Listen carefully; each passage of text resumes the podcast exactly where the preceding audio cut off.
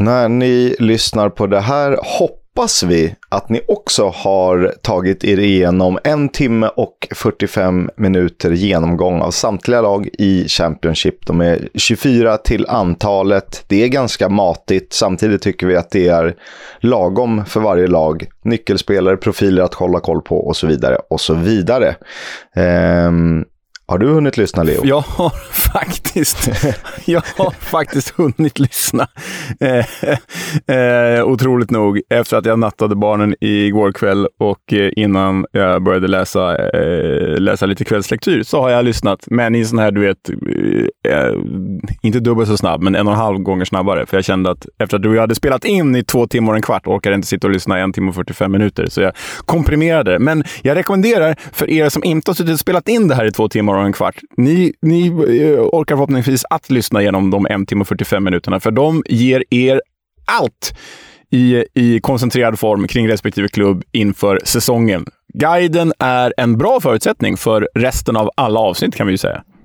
Kan vi säga att vi har två stressade familjer som står utanför våra inspelningsställen och, och trampar. Men eh, så ska det ja, vara när man ska skapa så. bra innehåll. Lite så. Det här är ju inte guiden, utan det här är det första riktiga avsnittet, alltså säsongspremiären, eh, där vi ska gå igenom eh, lite andra saker, men naturligtvis med betoning på Championship och premiäromgången.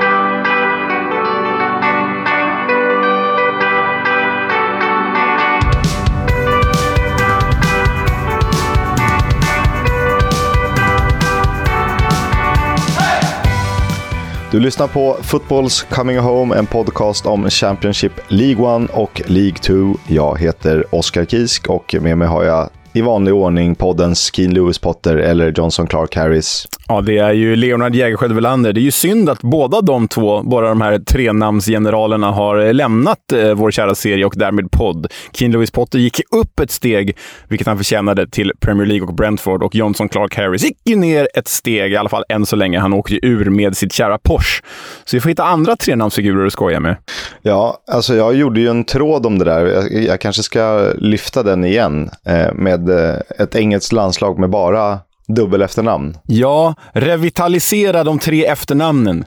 Gör det, gör det, gör det. Och så har vi han Keylor Davis Dunn, vad nu heter han, med fem efternamn. Det är ju min absoluta favorit. Då får vi kika in. Verkligen. Men folk tror ju liksom att det är ett förnamn och två efternamn, att det räknas in här. Det gör det inte. Jag tycker på, vad heter han, Jay Clark Salter som, som spelar QPR på lån från, från Chelsea. Det, det räknas inte. Du måste ha tre efternamn för att det ska vara giltigt. Exakt, och du har ju också tre efternamn. Ja. Du har haft rätt många efternamn genom åren också. Ja, räknar man det jag en gång hade så blir det ju fyra. Aj, aj, aj, aj. aj. Ah, ja, det var det. Det var det eh, Vi är otroligt glada att Stryktipset är med och sponsrar den här podden även denna säsong. Mer om det lite senare. Vi ska också nämna Gaffer som är Championships egna fantasyspel. Vi kommer göra ett försök. Leo var betydligt mycket vassare än vad jag var och vi hade några starka kandidater i gänget. Så eh, får en snurr, vi har dragit ut det på Twitter. Vi kan dela det i andra kanaler också. Eh, ligan heter Football's Coming Home.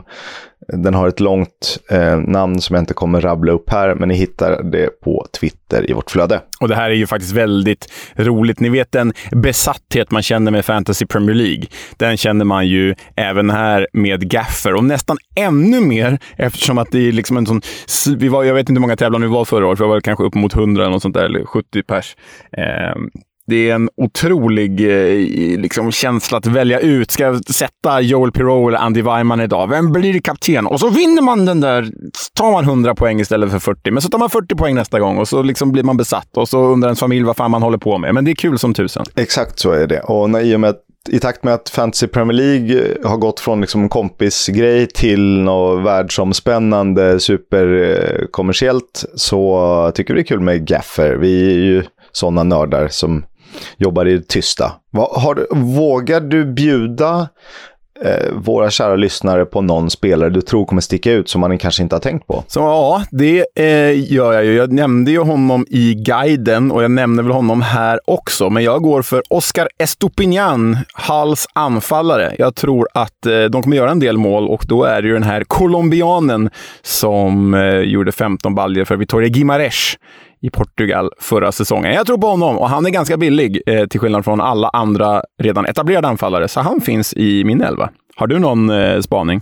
Mm, ja, jag kommer att gå för ganska många av dem vi pratar om som säsongens starkaste värvningar. Det finns ju en anledning till att de bytt eh, klubb. Sen tror jag ju också att Gabriel Sara, som vi pratade om i, i Borough, eh, mångmiljonvärvning kan vara rätt intressant. I, I Norwich. Norwich, hel, helsnurrig är eh, Han kan nog vara ganska så intressant. Mm, inte allt för dyr heller, om man jämför med till exempel Jed Wallace. Nej, ska man gå Jed Wallace-spåret? Ja, det får vi, det får vi se. Det får vi se.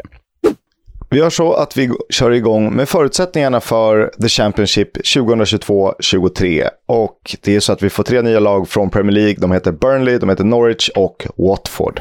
Mm, och eh, så har vi fått tre nya eh, lag och klubbar underifrån också. Från League One har ju Wigan kommit upp tillsammans med Rotherham, där svenske Victor Johansson finns, och Sunderland tillbaka, The Black Cats, på en mer ansenlig nivå, även om de vill ännu högre upp. Såklart, roligt att ha dem tillbaka. Trist dock att vi tappar Fulham, knappast särskilt oväntat. Att Bournemouth gick upp var ju naturligtvis rättvist över säsongen. Och sett till slutformen, att Nottingham Forest spelar Premier League är ju hatten av. Ja, verkligen. Och där är ju två klubbar i alla fall jag kommer sakna att eh, prata om vecka in och vecka ut. Det är ju Fulham och Forest. Bournemouth, ah, det, de, de kan få vara. Um, de som lämnat oss neråt, det är ju då svenskklubben får vi säga, Barnsley. De eh, lämnade ju också Poya Asbaghi, lämnade ju Barnsley därefter. Derby, trots eh, heroiska insatser och alla minuspoäng så försvann ju de också. De har dock en kort parentes fått en ny ägare till slut och de har värvat så in i helskotta. De har värvat som att de har gått upp till Premier League och inte har några pengar. Så det är många spelare och många gamla avdankade spelare. Och sen då Porsche lämnade också, som gjorde ett väldigt tappert försök att hålla sig kvar under våren. Men alla de tre är nu i League One. Vi skrattade åt Porsche och sen tyckte Tyckte jag under, eh, liksom efter sportlovet där någon gång att Porsche såg eh, faktiskt riktigt intressant ut. Men det är lite för sent att få upp farten. Det är ingen sprint, det är ett maratonlopp över 46 omgångar. Eh, det är 24 managers och när jag började skriva den här så eh, var det ganska stor skillnad på hur det såg ut. Men Naturligtvis är det tungt brittiskt med 15 engelsmän, det är tre walesare, två skottar, en nordirländare, en georgier, Shota Arveladze, en dansk, Jon Dahl Tomasson och en belgare, Vincent Kompany. Och om vi eh, tittar lite på geografin, hur den är uppbyggd, då, så har vi två Londonlag. Det känns ovanligt lite måste jag säga, men det är Millwall och QPR. Och sen om vi räknar liksom Stor-London, the Greater London Area, så finns det ju kringliggande klubbar i form av Reading, Watford och Luton. Ja, det, var, det är jag som har krystat in dem i, i London-segmentet, men eh, det får väl vara så. Allt för att hitta ett låtsasderby. vi har fyra glada, tappra krigare i Lancashire. Det är Blackburn, Burnley, Blackpool och Preston North End, vilket gör att vi har eh, två rätt eh, tuffa derbyn. Mm, det, det, här blir derbyrik. Alltså Blackburn och Burnley är ju... Jag vet att under sommaren drev du vårt eh, konto är väldigt fint där våra, i våra sociala medier och hade omröstningar kring eh, den största rivaliteten. Jag tror väl att det blev Millwall och QPR som vann den största rivaliteten. Konstigt nog. Orent skulle jag vilja säga. Det är ju liksom varken QPRs eller Millwalls värsta rival. Det är ju Blackburn, Burnley eller Swansea Cardiff som vi skulle ha landat i här. Men, men... Ja, eller, Blackpool PNI som har varit rätt tufft genom åren med planstormningar och allt vad det innebär. Ja, nej, verkligen. Exakt så. Men eh, våra kära lyssnare har ju alltid rätt. Det här är bara min högljudda protest. Min, jag håller med dig, Leo. Men eh, på tal om Wales då? Ja, sen har vi ju i södra Wales har vi ju klubbarna då Cardiff och Swansea. Och sen kan man ju lägga till där med en skarv på andra sidan riksgränsen, på engelska sidan då, eh, Bristol City som ju fingrar lite på Severnside-derbyt mot de walesiska klubbarna. Ja, och det som vi har pratat om tidigare, derbyt är mot Cardiff och mot Swansea är det någon slags gemensam, eh, gemensamt hat. Eh, lite som de håller på med Gemilaggio och sånt där i, i, i Italien. Eh, mycket tack vare Lee Trundle, ikonen. Googla Lee Trundle, det är värt det. Sen har vi ju kanske inte den riktiga rivaliteten i norr, men det är ju ändå Sunderland och Middlesbrough. Två klassiska klubbar, två anrika klubbar som eh, har i den här divisionen att göra med all rätt. Mm, ja, de ska ju kanske till och med vara ännu högre upp. Exakt. Sen har vi andra stora klubbar, eller en annan stor klubb i South Yorkshire. Det är ju Sheffield United. Och eh, det är ju ett litet svensknäste där i South Yorkshire, för vi har ju Anel Ahmedhodzic i Sheffield och i Rotherham, som ju är typ en förort numera till Sheffield, där återfinns Victor Johansson. Så svenskt i eh, Sheffield-området. I West Midlands har vi ju Birmingham, Coventry och West Brom samt även Stoke om man så vill. Ja, Stoke är väl lite krystad där, men, men om de ska in någonstans så är det ju där. Eh, det är ju kul med många rivaliteter där i alla fall. Men eh, om jag får återknyta lite till Sunderland och att de är tillbaka i vår kära serie och podd, så får ju andra divisionen sin överlägset största arena i Stadium of Light. 49 000 platser i Kisk, att jämföra med grannen inom citationstecken Middlesbrough och deras Riverside som är näst störst med 34 742. Så redan här ser man ju att Sunderland egentligen är en maktfaktor i engelsk fotboll.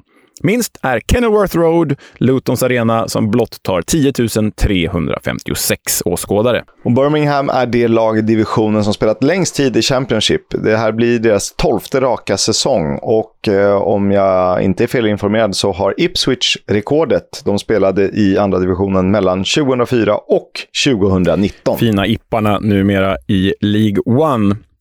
Sedan eh, omstruktureringen av andra divisionen och eh, då champ The Championship blev The Championship har föga förvånande Neil Warnock fått utmärkelsen Championship Manager of the Month flest gånger. Hela 11 stycken.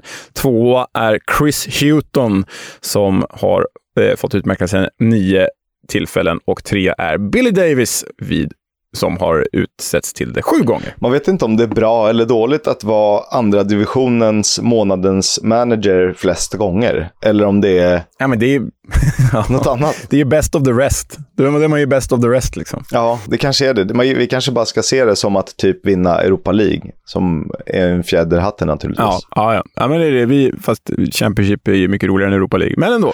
Vi fick en ny rekordhållare i den skytteligan genom tiderna, det var ju Billy Sharp som vi hade ett, eh, nästan ett helt avsnitt om. Han har nu gjort 128 mål i andra divisionen och sen följer en radda av spelare. De som är intressanta är ju kanske Jordan Rhodes som ligger 10 mål bakom och kan klättra placeringar. Skulle han göra tre mål till den här säsongen så skulle han vara delad tvåa med David Nugent. Mm. Och sen finns det lite andra aktiva spelare på den här listan, som Louis Grabben, än så länge utan kontrakt. Chris Martin spelar i Bristol City. Lukas Jutkiewicz, var är han Kisk? Eh, jag tror att han fick gå, va? Eller har han fortfarande tid kvar hos Birmingham? Han, han, han är kvar. Ja, han är kvar det är där. klart han är kvar. Vad ska han annars göra? I Birmingham återfinns ju också Troy Deeney som är med på den här topp 10-listan och Charlie Austin är i alla fall fortfarande aktiv, men han flyttade väl till Australien från Queens Park Rangers tror jag. Det var något sånt där, eh, varför man nu ska göra det. Sen har vi ju eh, pratat lite om värvningar och du har ju varit duktig och börjat rangordna värvningar. Ska, ska vi ta sommarens fem bästa värvningar vardera? Ja, men det tycker jag vi kan eh, göra. Från, från fem till ett då blir det bra. Du får börja. Då eh, jag in en liten outsider. Eh, Preston North End hade ju en eh, rätt fin målvakt förra säsongen i Daniel Iversen. Det blev väl ingen jätteresultat för klubben överlag, men jag tror att Freddie Woodman kan visa sig bli väldigt viktig för PNI. Mm, det är ju en, en eh, målvakt som verkligen visat sig tidigare i den här nivån när han stod för Swansea och har ju även faktiskt färgat lite i Premier League vid tillfällen. Så ja, spännande. Min femma är Scott Twine. Vi nämnde ju honom rejält i guiden, men det är alltså Burnleys fynd och kap från League One. Han spelade ju eh, 45 matcher för de onämnbara. Får gärna lägga in buljud här, Kevin. Alltså MK Dons förra säsongen gjorde 20 mål och det är en väldigt ung och spektakulär anfallare slash offensiv mittfältare. Så det är min femma. Min fyra är Jean-Michel Seri och det är nästan som man vill släppa över ordet till Fulham-experten kring varför man skulle ha honom på en fjärde plats när han har gått till Hall.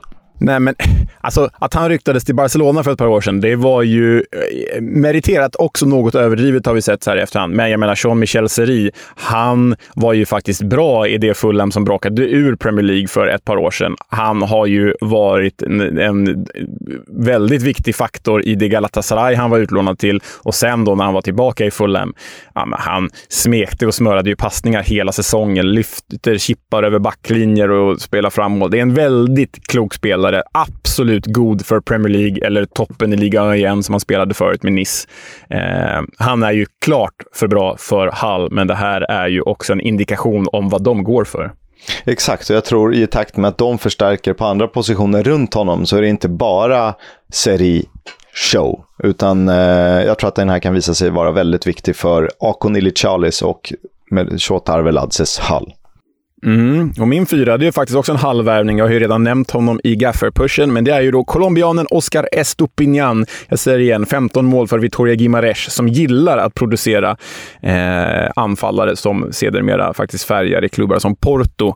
Så Oscar Estupinan tror jag kan vara ett riktigt kap för The Tigers. Som trea har jag Scott Twine som du nämnde, eh, för, som har gått till Burnley från MK Dons, de onämnbara alltså. Jag tror att det här är en spelare, kommer han in rätt i miljön, Burnley går liksom lite fint under hösten, då kan han flyga hur högt som helst. Då skulle det vara så att spelare som typ McNeil väljer att eh, hoppa tillbaka till en högre nivå så eh, är det ännu större ansvar på hans axlar. Men jag det känns som att han är så pass bra att han skulle klara av det i, dagsläget. Ja, instämmer. Min trea är Jed Wallace. Eh, lämnade ju Millwall för West Bromwich Albion och det här har ju varit, eh, ja, men om man går bak fyra, fem säsonger så har det ju varit Championships bästa offensiva mittfältare eh, i princip hela den perioden. Så Jed Wallace är ju ett styrke en styrkevisning av West Brom. Ett enormt tapp för Millwall och han kommer göra både mål och assist för The Baggies. Så Wallace är med på min topp fem. Han hamnade precis utanför min eh, och sen har jag ju tjatat om de här två. Det har skrivits krönikor och det har basunerats ut eh, och ni ska få höra ännu mer. Och det är väl egentligen eh, utan inbördes ranking. Men jag säger att min två är John Swift till West Bromwich Albion. Ja, och det med rätta. Och det är ju här du och jag blir helt överens i eh, topp i topp två-värvningarna. För min tvåa, det är ju John Swift i West Bromwich Albion. Får jag gissa att din etta är Caldini, alltså Cal Naismith till Bristol City? Ja, så är det. Jag vet inte riktigt hur du resonerar här, Kisk, men grejen med Caldini, Cal Naismith och Bristol City, det är ju att alltså, det är ju klart att John Swift och Jed Wallace är bättre fotbollsspelare än Cal Naismith. Men han var ändå, enligt oss, den bästa mittbacken i The Championship förra säsongen och Bristol City hade det sämsta försvaret av alla lag som höll sig kvar. Och att då värva honom gratis, det täcker ju det största av hål. Det är en sån perfekt affär för uh, The Robins. Exakt så. Ibland kan det ju vara, säg att uh, Paolo Dybala hade hamnat i Championship. Ja, det är klart att det är den bästa spelaren som värvas. Men då hade man förmodligen fått plöja ner uh, liksom en femårsplansbudget. Uh, men att ta honom gratis om inte den bästa mittbacken, en av två mittbackar i säsongens lag förra säsongen.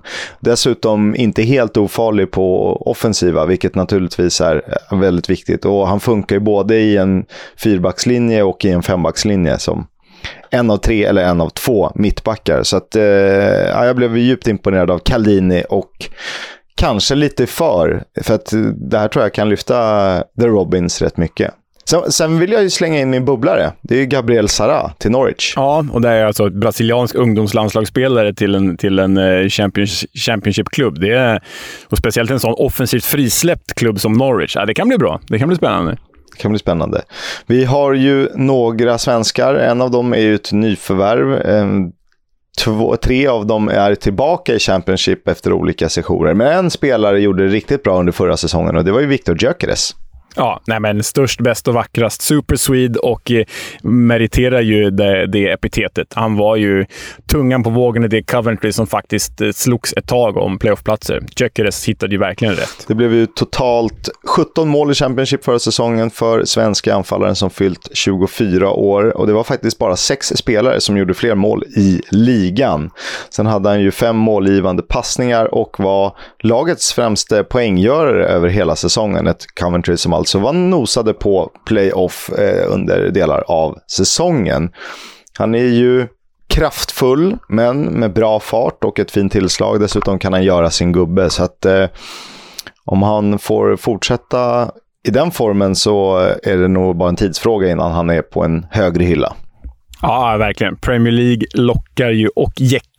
Så eh, förhoppningsvis får vi se honom där snart, men eh, vi får också förhoppningsvis njuta av honom en eller två säsonger till här nere. Sen skrev vi att det är kul med ytterligare en svensk till Championship. Då var det någon som skrev att han är inte svensk, men Anel Ahmedhodzic är ju alltjämt född i Skåne, så att på så sätt är han svensk medborgare. Det är ju bara det att han inte representerar det svenska landslaget längre. Ja, nej, ska man börja skärskåda sånt där så blir det ju i mina ögon rätt tramsigt. Det är klart att Anel Ahmedhodzic är svensk och eh, vi känner ju alla till honom vid det här laget nu. Han har ju imponerat i MFF. Han har varit på väg till Atalanta, men hamnade ju sedermera i Bordeaux som degraderades, Le Girondin.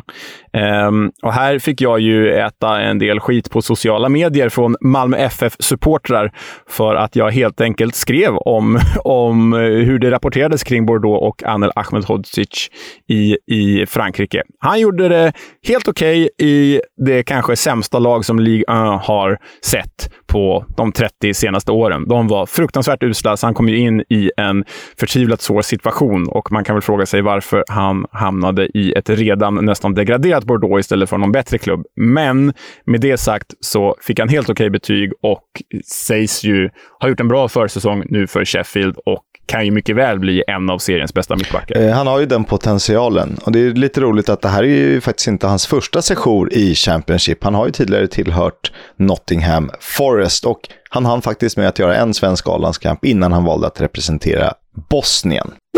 Om vi traskar vidare då till tredje svensken som är tillbaka efter ett år på vift i League One. Det är Victor Johansson i Rotherham. Vår kompis ju, som vi pratat mycket med och som vi kommer fortsätta prata mycket med, eh, har ju hyllats eh, till och från för sina insatser i eh, League One roterades ju en del eh, med Josh Wickers, hans, eh, hans eh, konkurrent och kompis i The Millers. Men gjort det bra.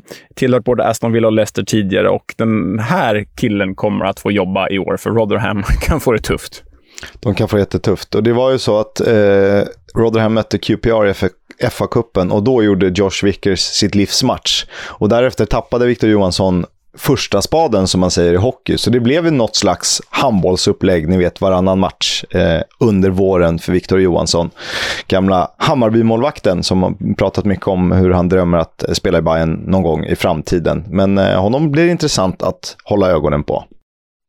När det kommer till landslagsspelare som kanske tappat sin plats så är det eh, Ken Sema som nu är tillbaka för sin andra session i Championship efter att 2020-2021 varit med och tagit upp Watford i Premier League. Ja, och inte bara tog upp Watford, utan han var ju en av lagets bättre spelare. Han färgade ju rejält i The, The Hornets och i The Championship och belönades ju då med ett kontrakt som gjorde honom till en av klubbens bäst betalda spelare i The Championship. Inte i Premier League sen, för då värvade de ju massa mer spelare och plöjde in massa pengar i det där. Men nu är han tillbaka och eh, förhoppningsvis kan ju han få tillbaka sin eh, ordinarie plats också, för Ken Sema med förtroende är ju på den här nivån en tämligen ostoppbar kraft. Han har det här verkligen i sig och dessutom är ju en ytterst sympatisk person som vi har haft lite kontakt med, som vi ska försöka intervjua under säsongen också. Så kul med Ken. Det är det. Och de har en ruskigt bra offensiv, Watford. Namnkunnig och spelskicklig. Så att eh, antingen är det bra för rotationen eller så får vi se hur det går för Katsema. Vi har en till svensk i Watford. Han eh, vaktar stolparna och är alltjämt med i truppen. Han har ju faktiskt till och med kontrakt eh, till 2025. Han heter Pontus Dahlberg, men det känns väldigt osannolikt att vi får se honom i, i Watford den här säsongen.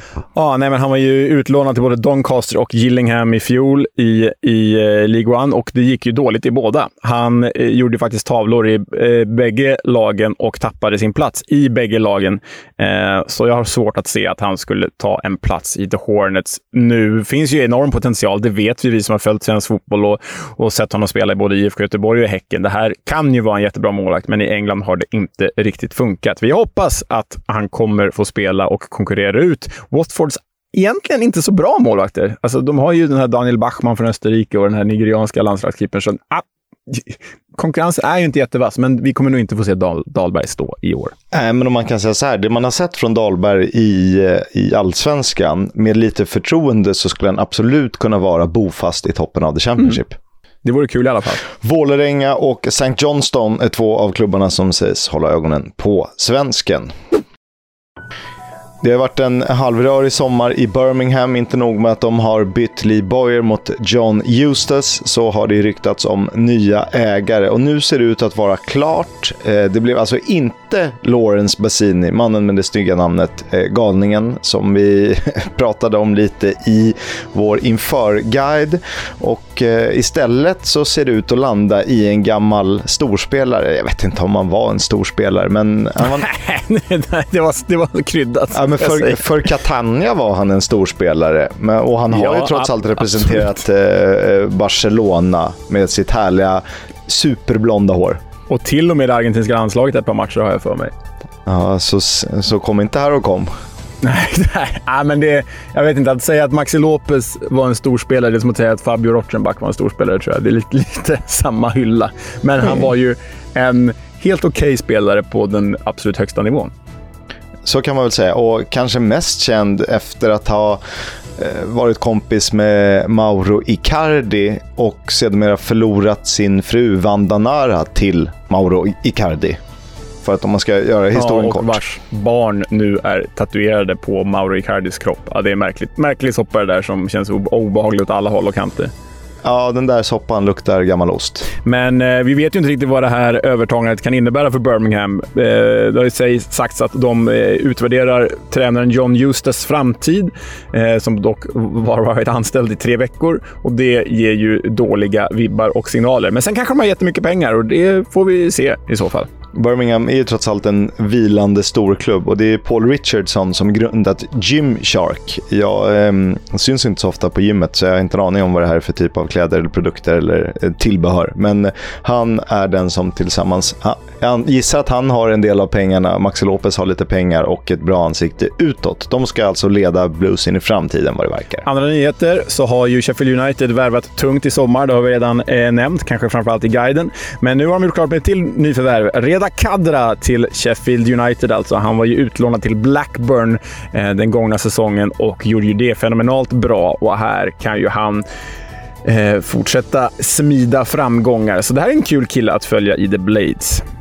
Härligt eh, sevärd är han och i Blackburn var ju problemet att eh, i och med vissa skadeproblem så blev det mycket ansvar på Kadra till slut och det kändes inte riktigt som orkar. Här kan, kan han komma in en slags rotationscykel där jag tror han kommer passa jättebra i Sheffield United. Det tror jag med.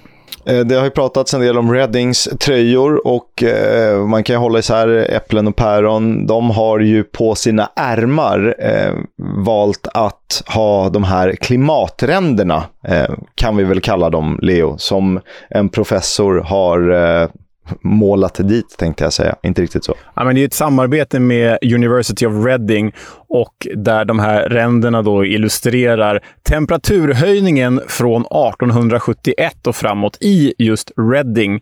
Eh, och från 1871 är för att klubben grundades då. Så det är ju ett jättefint eh, initiativ eh, och engagemang för att Eh, eh, ja, men, eh, medvetandegöra eh, sina supportrar och omvärlden, hur många nu som följer Reading, om klimatkrisen. För den är ju onekligen här, oavsett om man är i, i Stockholm eller i Reading eller eller i Windhoek i Namibia. Liksom. Det, det, det finns lite överallt. Så det är ett fint initiativ. Det man kan ifrågasätta Tröjan är i och för sig gjord av eh, 100% eh, förnybar plast också och den går att återvinna, så det är också bra gjort. Men det som man kan ifrågasätta med det här, det här är att Reddings huvudsponsor är en biluthyrningsfirma. Så jag vet inte riktigt hur mycket det lirar med, med eh, miljömedvetenhet. Men ja, ja. Egentligen är det ett fint initiativ. Ja, men jag blir också så här, nu gör ju de något fint. Kan inte det bara få vara fint? Och sen kan man ju, alltså de måste ju ändå ha pengar att driva sin fotbollsklubb. Sen, det blir lite kontraster att ha Select Car Leasing eh, på tröjan och i arenanamnet. Och det är men de gör ju vad de kan i alla fall.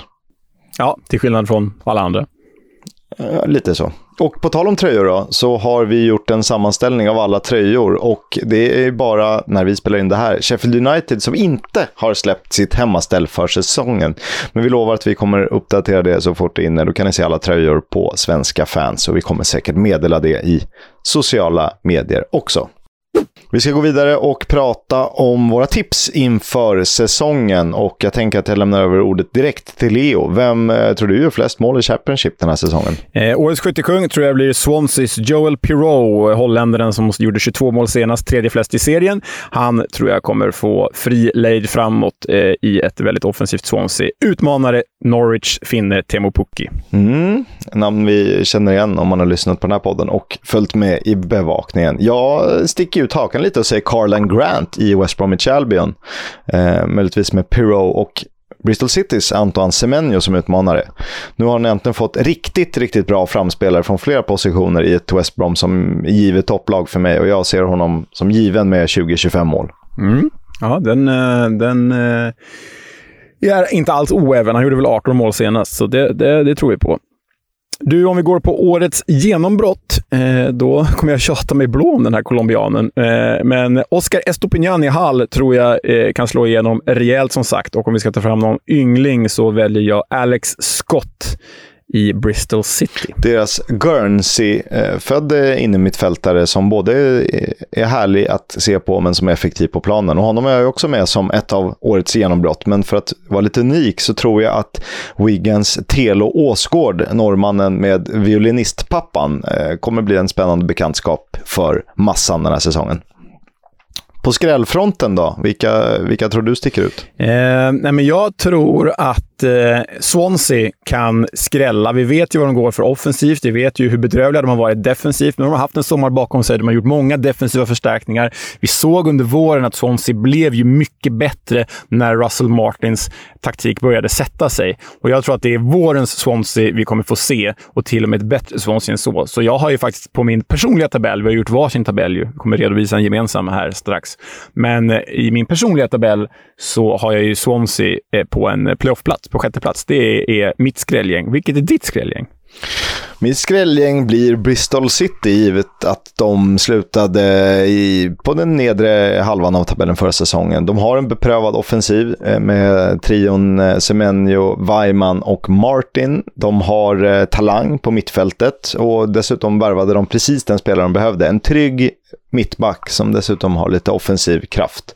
Och så har de ju Dan Bentley i mål eh, som är bra för nivån. Så att jag tror att de kan slå ur underläge. Ja, det vore ju kul. Jag har en liten spaning här. För, för snart ett år sedan, vi började spela in i augusti förra säsongen, då satt ju jag och varnade för Bristol City och sa att de kunde bli sevärda. Och du satt och varnade för Russell Martins Swansea och sa att de kunde göra avtryck. Och nu har vi, oberoende av varandra, vänt här. Är det bara så att vi har övertygat varandra om det andra lagets storhet? Vad är det som har hänt? Det kanske är så. Jag, jag tjatade typ om att Swansea skulle börja lyfta i 40 veckor och sen lyfter de aldrig och då tröttnade jag. Och eh, då du kanske, eh, alltså till slut blir man ju manisk. Man blir så fäst vid att det ska gå så att man, man ser ingenting annat. Och så har det blivit lite för mig med Cal Naismith och eh, deras fina offensiv. Eh, kanske färgad av någonting. Ja, äh, men, så här, oavsett vem av oss som har rätt så är det ju två väldigt roliga, två väldigt roliga lag att följa oavsett hur det går. Sen kan vi hoppas att det går bra eftersom att vi tror För på Bristol City spelar ju inte 1-0-0-1, det gör de inte. Det gör de inte. Det är ju... Bristol City är ju förkropp, det är ett förkroppsligat Zdenek Seman-spel i England. Så är det. Och för er som tar den referensen, ni får ta den. Ni andra kan väl nöja er med att Zdenek Seman hellre förlorar med 4-3 än spelar 0-0. Och det är ju vackert som det är.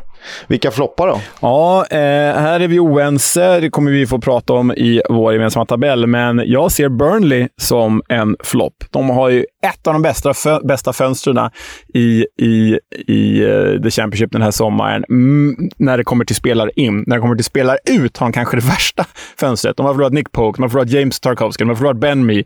Eh, eh, de har förlorat Nathan Collins. De kanske kommer förlora Dwight McNeil. Eh, de ska dessutom stöpa om en gjuten Sean Dyche eh, strukturerad defensiv till ett Vincent kompani fritt flödande offensivt fint spel. Och dessutom har det gått sådär för kompani Anderlecht, ska det sägas. Så äh, jag tror att Burnley blir floppen med reservation för de du har som flopp. Ja, givet att de tappade eh, magiken Carlos Corberan, dessutom Lewis O'Brien och Harry Toffolo, två otroligt viktiga pjäser, så eh, vet vete fasen hur Huddersfield ska, ska kunna titta uppåt. Jag tror kanske att de har några spelare som är lite för bra för att hamna i nedflyttningsstrid, men det kommer inte vara så långt därifrån. Jag tror att de tillhör ett mittenskikt med lite känn neråt. Har, vi, har du nämnt dem, vilka det är? Eh, sa jag inte Huddersfield? Jag kanske... Ja, det kanske gjorde det. Bara jag, nu är det kanske men det, borde, det, det borde man fått på Corberan, O'Brien och Toffolo. Ja, ja. och Huddersfield, alltså jag håller ju verkligen med dig i, i sak att Huddersfield kommer göra en betydligt sämre säsong av alla de här anledningarna. Frågan jag ställer mig bara, är det en flopp om vi redan tänker att de kanske ska sluta på nedre halvan? Jag vet inte. Men det blir definitivt en flopp om man jämför ja, med förra året. Alltså, vi tippade dem på den här nivån förra säsongen och de överträffade alla förväntningar. Vilket betyder att de får förväntningar på sig i och med att de slutade trea och faktiskt var det tredje bästa laget i serien över 46 omgångar. Exakt.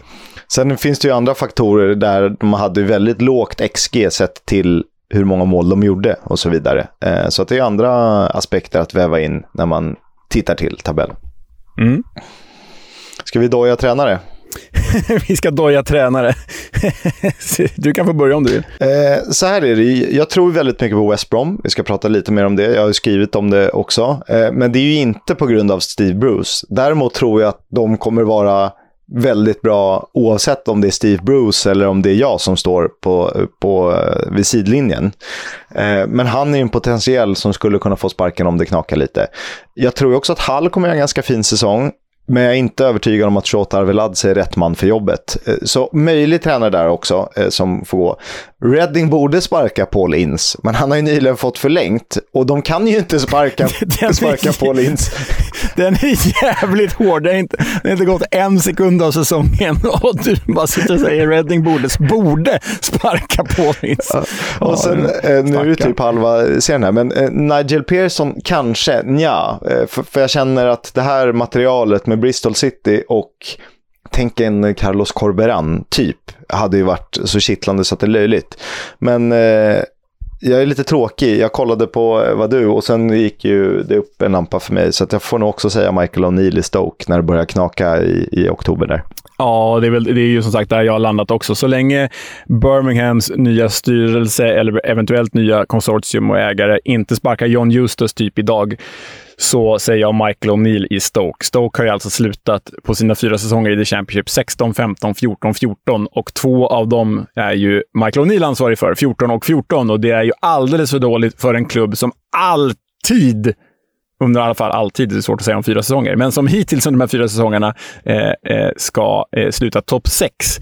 Eh, men han har ju inte bevisat så mycket sedan han lämnade nordirländska landslaget, Michael O'Neill, så ah, han får nog dojan först. Å andra sidan har han ju gått från A Cold and Rainy Night till Stoke Alona och det är ju en bedrift om något. Verkligen. Det har blivit dags att eh, redovisa våra tabelltips, men vi gör ju det precis som förra säsongen. Vi är ju faktiskt en enhet. Vi är FL-podden, vi är Football's Coming Home och vi presenterar vår gemensamma tabell utifrån, som är en slags matematisk formel på våra eh, respektive tabeller. Mm, där du kanske då sätter, eh, eh, vi säger Bristol City 10 och jag sätter dem eh, 20. Då får de eh, 30 poäng totalt och det innebär att de slutar på 15 plats i, i våran tabell. Eh, och sen hamnar ju vissa klubbar på samma poäng och då får man flytta runt lite. Men det är så enkel matematik det är alltså för att eh, utröna vår gemensamma lista. Och vi kanske ska säga att vi ser det ju lite som eh, olika skikt. Om vi säger topp tvåan, alltså direktplatserna. Sen har vi fyra playoff-lag. Sen har vi tre, fyra utmanare. Sen har vi det här tydliga mittensjoket.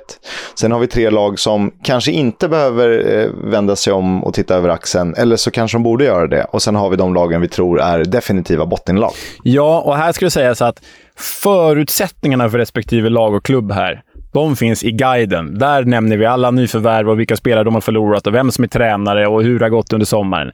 Där finns det, så guiden rekommenderas. Här kommer vi mest redovisa vår tabell nerifrån och upp och vi kommer diskutera lite där vi är oense eller väldigt ense. Exakt, och vi börjar i botten där vi är helt eh, överens.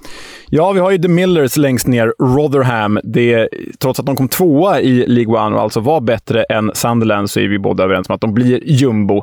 Och det beror mycket på att de har förlorat sina bästa spelare till Sheffield Wednesday i League One. Ja, det, det är märkligt.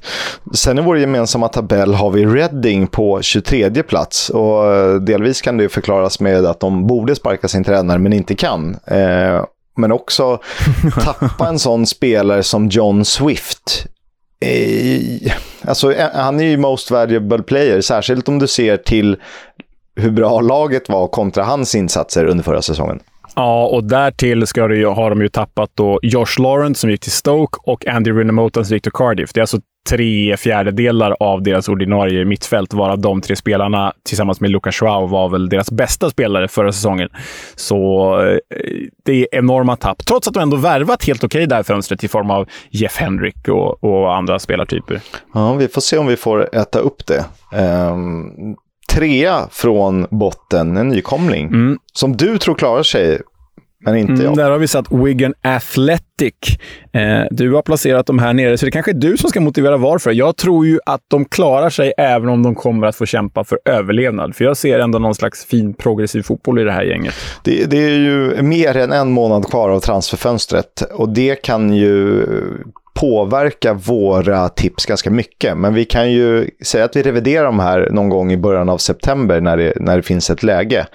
Och eh, så får vi kanske göra lite avbön. Men jag, jag, tror att truppen är för tunn. Det finns för få eh, bra spelare att hänga upp sig på. Det är en Will Keen som man ska lita på att han dundrar in bollar i, i Championship. Och jag är inte helt säker på att det är vägen framåt.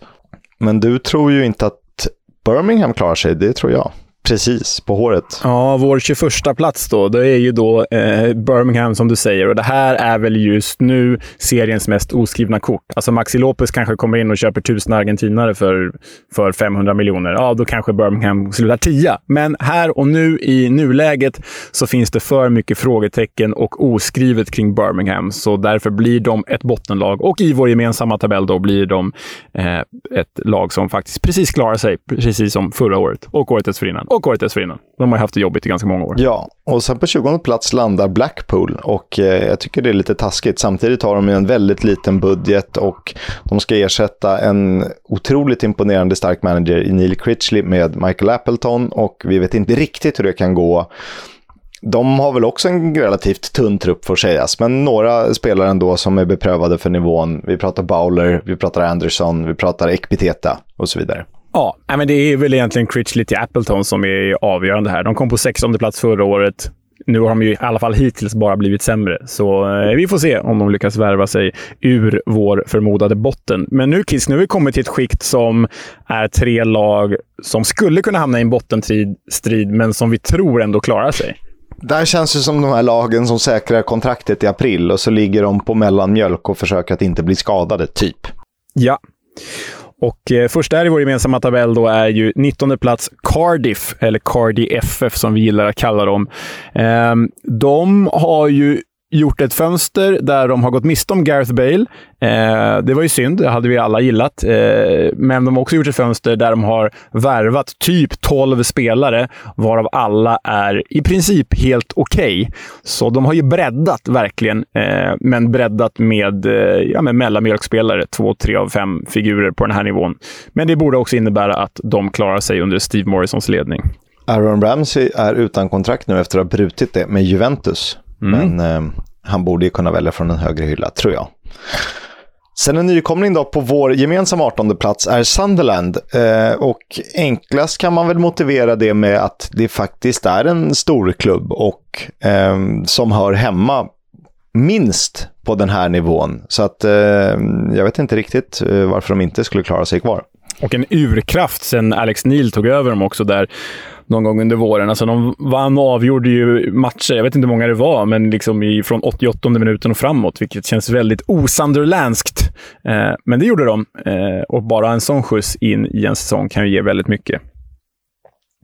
17 plats, där har vi The Terriers. Där har vi Huddersfield. Skulle ju kunna bli så att de typ slutar tia, men skulle också kunna bli så att de slutar näst sist, givet alla spelare som de har förlorat, vilket Kisk redan varit inne på. Så i vår gemensamma tabell sätter vi ett Huddersfield med många frågetecken efter sig på 17 plats. Och nu kommer vi över till det som är mitt mittenskiktet. Och eh, en bra dag skulle jag kunna skicka in Huddersfield i botten av det här mittenskiktet. Och eh, det består av sex lag och på 16 plats hittar vi Preston North End som har gjort ett väldigt bra fönster. Men svårt att riktigt veta om vilken riktning de har tänkt ta. Och eh, jag skulle kunna sätta dem lite högre kanske, fast ändå inte. Jag hade dem till och med på 17 plats. Så att eh, Ja, svårt att säga om de här. Jag tycker att de hör ihop lite i nuläget med de två lag vi ska prata om härnäst. Alltså, eh, om jag bara ska kliva ur vår podd här och försöka titta på dig och mig utifrån,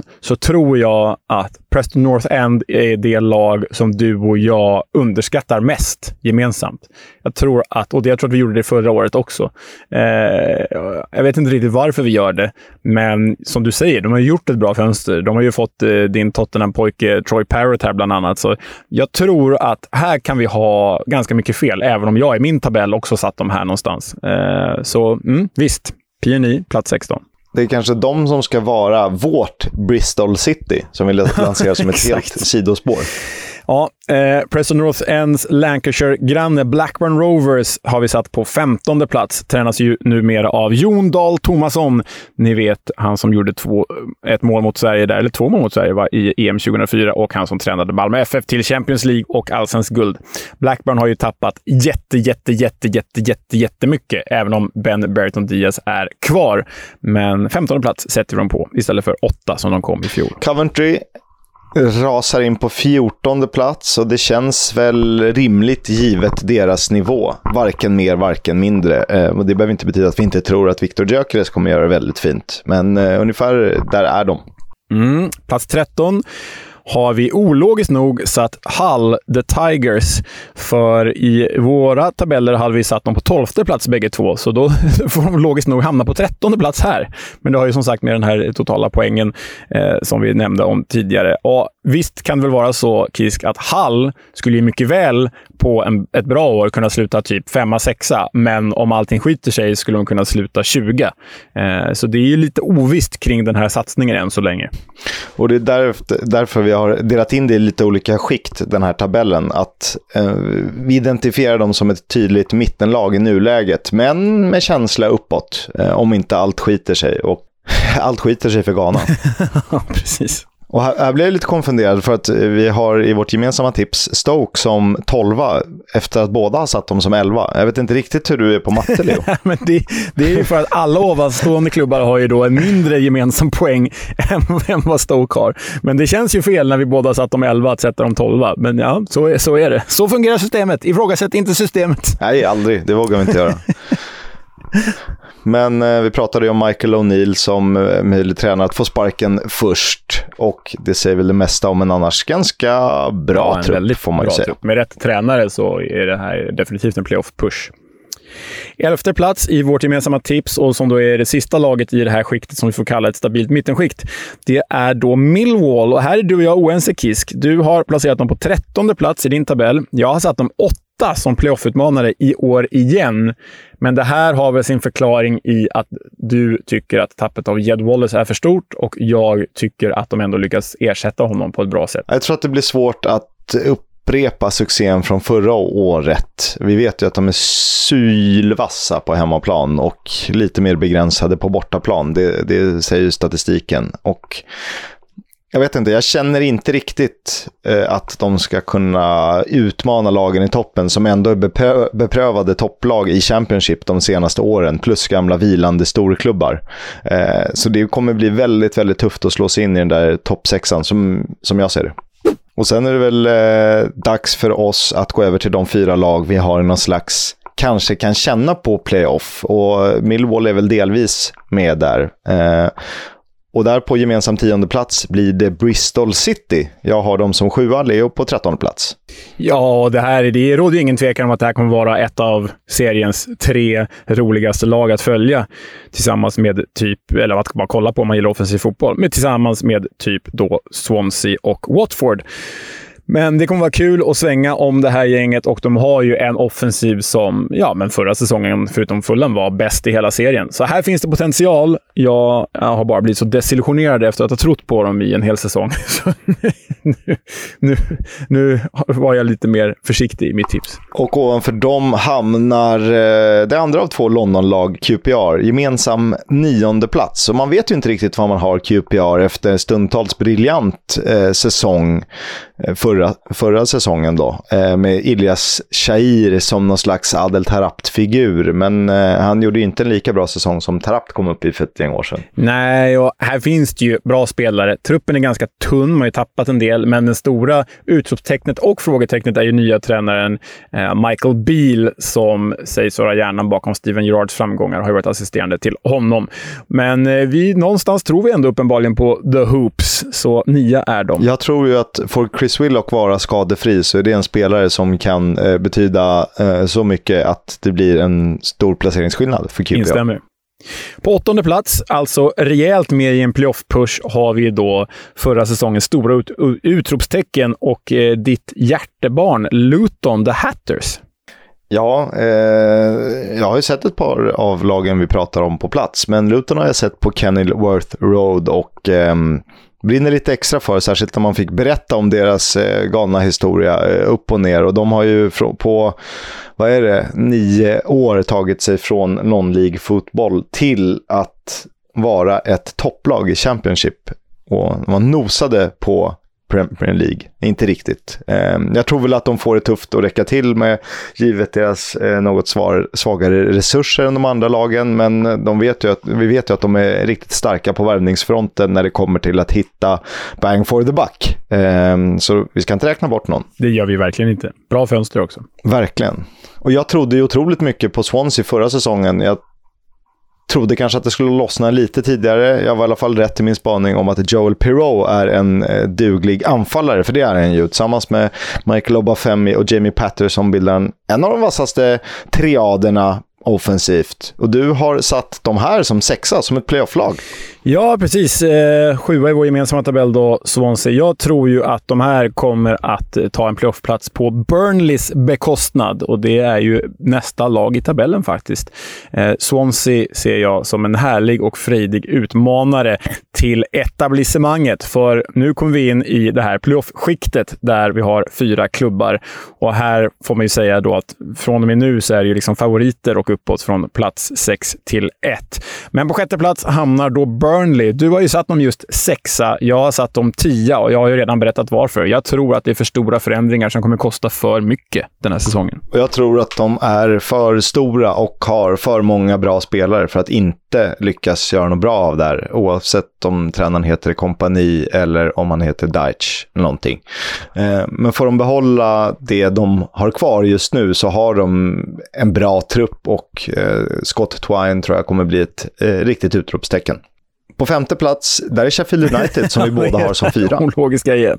Men Sheffield visade ju under Fecking Bottom att, det, att de reste sig bra till slut. Det blev ju inte samma effekt som Nottingham Forest fick under Steve Cooper förra året, men de blev ju definitivt en kraft att räkna med och tog ju Forest väldigt nära. Eh, tog ju Forest hela vägen till straffsparksavgörande i playoff-semifinalen eh, ju i våras och Sheffield har ju faktiskt bara blivit bättre sedan dess. De gör ju ett fenomenalt bra fönster och med spelare som West Foldringham och Anel Ahmedhodzic och eh, Basham och eh, vad heter han? Sander Berge och Billy Sharps och, och eh, ja, Ilman Ndiaye. Det finns ju Ja, men det är ju snudd på en botten Premier League-trupp redan. Eh, så Blades kommer vara bra. Och har man lyssnat på guiden så vet man ju att Daniel Jebison slår igenom stort för The Blades den här säsongen. På fjärde plats då, Watford, nykomling från Premier League. Kliver in med en stark offensiv med en tränare i Rob Edwards som eh, får inte det är kanske ett frågetecken då, men har gjort det bra i Forest Green Rovers. Eh, det här är ju ett, om inte två, kanske till och med tre hack upp i hierarkin för honom. Så det ska bli spännande att se vad han får ut av en spretig trupp som ändå har släppt ganska mycket namnkunnigt. Så att, eh, det handlar om att få ihop pusselbitarna. Ja, det gör det. Men de är ju också bra pusselbitar. Alltså, än så länge sitter de ju klar, kvar med spelare som Joao Pedro och Ismail Azar. Eh, det finns ju väldigt höga toppar i det här laget. Och jag, skulle, jag ljuger inte om jag säger att det finns fem, sex spelare här. Okej, okay. fyra, fem spelare som skulle kunna gå in i vilket mittenlag som helst i Premier League faktiskt. Ja, men eh, så är det ju verkligen. Och vår gemensamma trea är den vi båda hade som trea. Det är Middlesbrough. Ja, och eh, de kom ju sjua förra året. Under Chris Wilder eh, blev de ju en kraft att räkna med dem också. Det enda som saknades var en rejäl målskytt. Det ska väl sägas att det fortfarande saknas en rejäl målskytt, men de har gjort ett bra fönster. De har plockat in den amerikanska landslagsmannen Zach Steffen från Manchester City. Så Middlesbrough känns rejäla, bra och stabila. Ger de en målskytt så kan de fan vinna hela skiten. Lewis Grabban har inget kontrakt. Precis. Men på andra plats, Kisk, eh, nu är vi ju på direktplatserna här ju.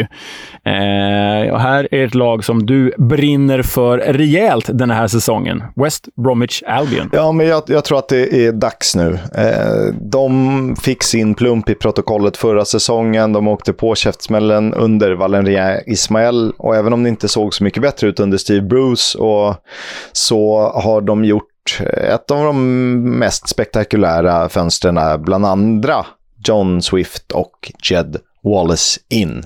Och det tror jag som kryddor till en redan ganska bra trupp med där Dara O'Shea förhoppningsvis får vara skadefri i mittförsvaret och där Carlen Grant eh, ser ut att springa sig igenom så eh, ser jag de här som etta.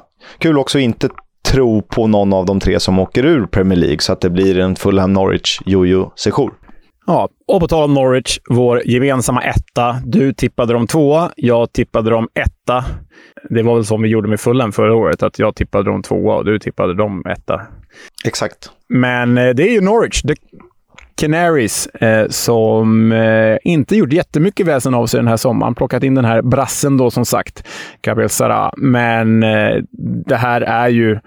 Ja, men, symptomet eller liksom beviset på att vara för bra för The Championship och för dåliga för Premier League. Det är ju förkroppsligat i Norwich och vi blir ju förvånade om Norwich inte går upp direkt igen. För att summera då, vi tror att Norwich och West Brom tar direktplatserna. Vi tror att Middlesbrough och Burnley möts i playoff-semifinal. Watford och Sheffield United är den andra. Hur det går, ja det får ni se i maj. Sen tror vi att Wigan, att Reading och att Rotherham åker ur Championship. Och det var det som summerat. Eh, så tyck gärna till och eh, hör av er om det är något vi har gjort bort oss kring. Eller om ni känner att wow, de här killarna har ju faktiskt lite koll. Mm. Diskutera gärna. Lägg upp era egna tabeller också. Det är kul. Tycker ni annorlunda? Vi vill diskutera. Vi vill prata med er alla där ute, oavsett om ni är smarta eller dumma i huvudet. Vi vill bara ha engagemang, så kör på. Exakt.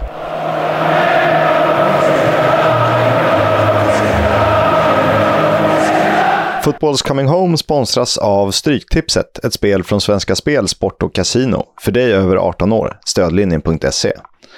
Äntligen eh, kupongdags igen och eh, jag landar i match 9. Vi börjar den här säsongen med riktig höjdare på lördag klockan 16.00 när Middlesbrough möter West Bromwich.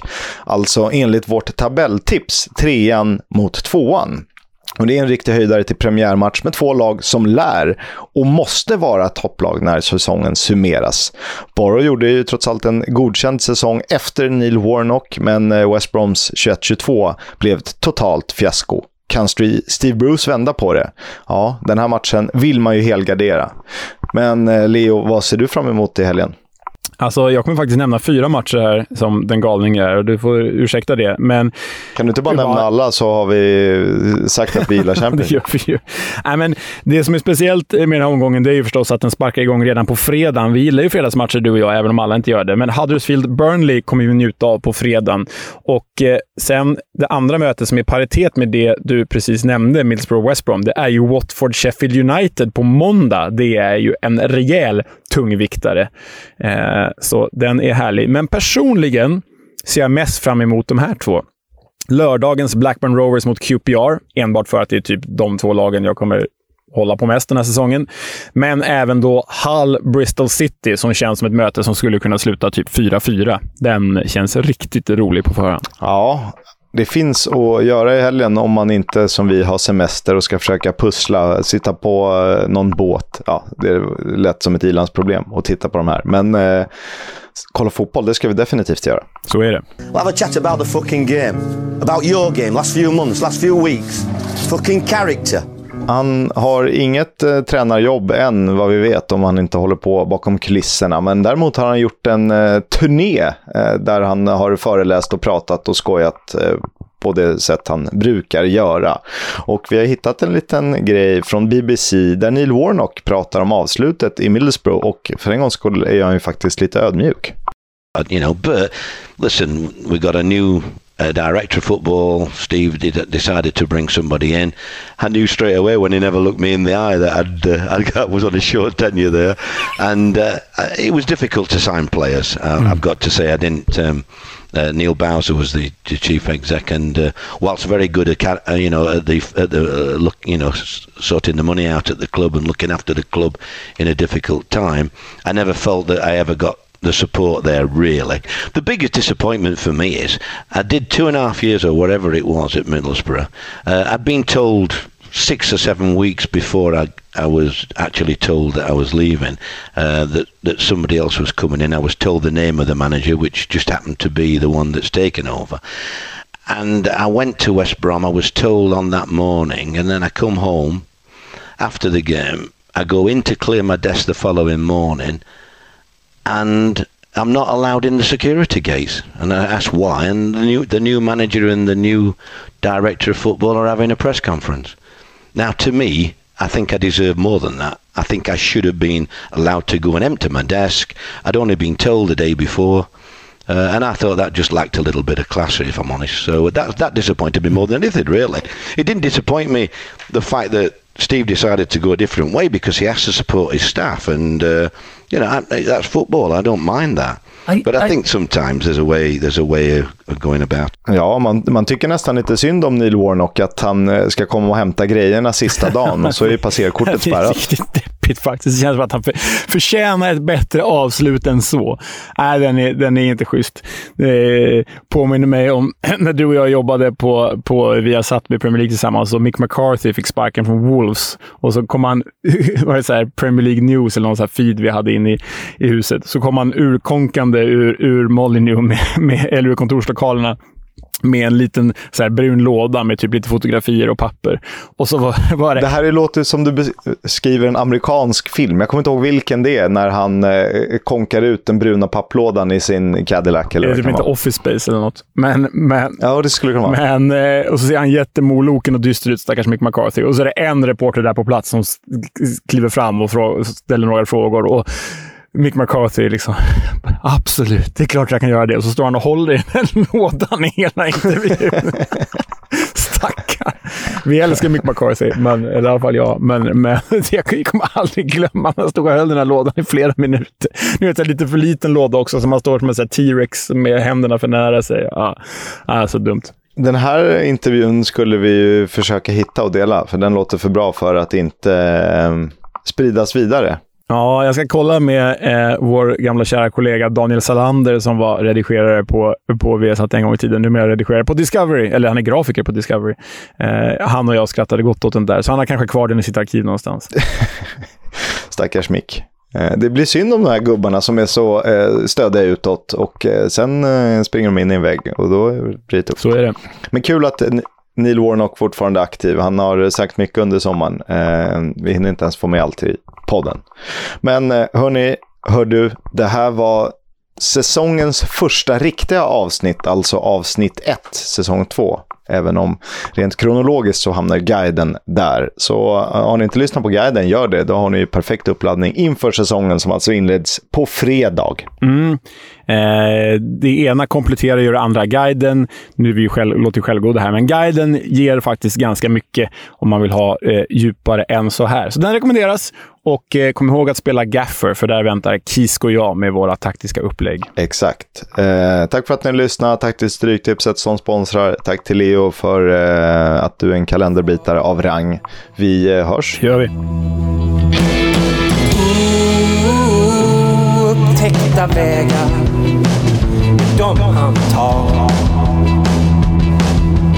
När det regnar kallt och ibland när kampen leder ända fram. Då ses vi på lördag igen.